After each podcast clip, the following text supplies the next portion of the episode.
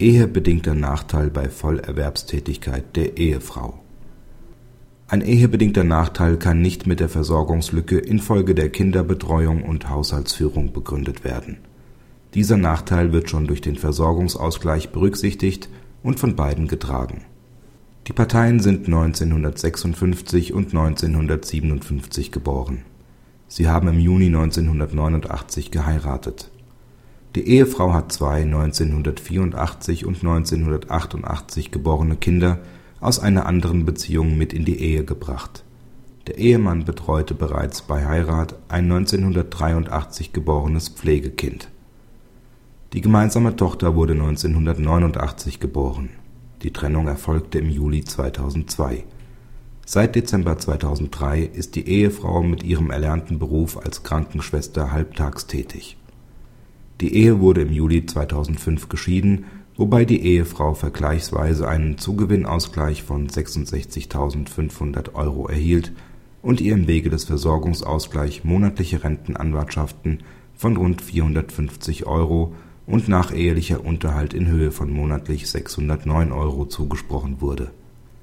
Auf die Berufung des Ehemanns gegen die Entscheidung zum nachehelichen Unterhalt wurde dieser vom OLG gestaffelt zugesprochen Hiergegen richtet sich die Revision des Ehemanns, der die vollständige Abweisung begehrt. Er beruft sich dabei insbesondere auf die zeitliche Befristung des Unterhalts. Das OLG hat die Befristung des Aufstockungsunterhalts noch nach altem Recht gemäß § 1573 Absatz 5 BGB abgelehnt. Die Revision führt zur Aufhebung des Urteils und Zurückverweisung an das OLG der BgH bestätigt zunächst die Auffassung des OLG, dass die Ehefrau zu einer vollschichtigen Erwerbstätigkeit verpflichtet ist, da die gemeinsame Tochter bei Rechtskraft der Scheidung im November 2005 16 Jahre alt war. Sie habe konkrete Umstände gegen eine Ausweitung ihrer Tätigkeit nicht vorgetragen. Im Anschluss weist der BgH darauf hin, dass schon nach seiner Rechtsprechung zum alten Unterhaltsrecht die Befristung des nachehelichen Unterhalts möglich war die nacheheliche Einkommensdifferenz musste einen ehebedingten Nachteil darstellen, der einen dauerhaften unterhaltsrechtlichen Ausgleich gebot. Wenn die Einkommensdifferenz nicht auf einem ehebedingten Nachteil beruhte, sondern sich aufgrund der unterschiedlichen Vorbildung ergab, konnte es nach einer Übergangszeit zumutbar sein, auf den Lebensstandard nach den ehelichen Lebensverhältnissen zu verzichten und sich stattdessen mit dem Lebensstandard zu begnügen, der auch ohne Ehe erreicht worden wäre diese Rechtsprechung ist in § 1578 b BGB neue Fassung eingeflossen. Für die Befristung ist daher entscheidend, ob der ehebedingte Nachteil absehbar ist, das heißt, es ist eine zuverlässige Vorhersehbarkeit erforderlich. Auf den konkreten Fall bezogen äußert sich der BgH nicht abschließend. Er weist jedoch darauf hin, dass der Ehemann den ehebedingten Nachteil nicht deshalb verneinen kann weil die Ehefrau bei Heirat wegen der beiden vorehelichen Kinder nicht gearbeitet hat, denn jedenfalls durch die Geburt der gemeinsamen Tochter war sie an der Ausübung einer Berufstätigkeit gehindert.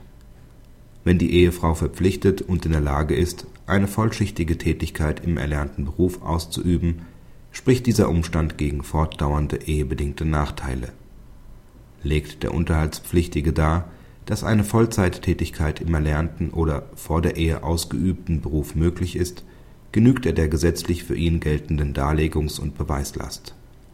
Um sich dagegen zu wehren, muss die Unterhaltsberechtigte substanziiert darlegen, dass trotz Vollerwerbsverpflichtung wegen der fehlenden Gelegenheit zur Fort und Weiterbildung Gehaltseinbußen als ehebedingte Nachteile bestehen die Ehefrau ist verpflichtet, alle Umstände vorzutragen, die gegen eine Unterhaltsbegrenzung oder für eine längere Schonfrist sprechen. Der Nachteil kann nicht pauschal mit den infolge der Kindererziehung und Haushaltstätigkeit erworbenen geringeren Rentenanwartschaften begründet werden. Durch den Versorgungsausgleich wird dies bereits ausgeglichen. Die anschließende Abwägung aller für die Billigkeitsentscheidung maßgebenden Aspekte ist Aufgabe des Tatrichters weshalb es zur Zurückverweisung kommt. Praxishinweis Der BgH hält sich mit einer eigenen Einschätzung zur Dauer des Unterhaltsanspruchs völlig bedeckt.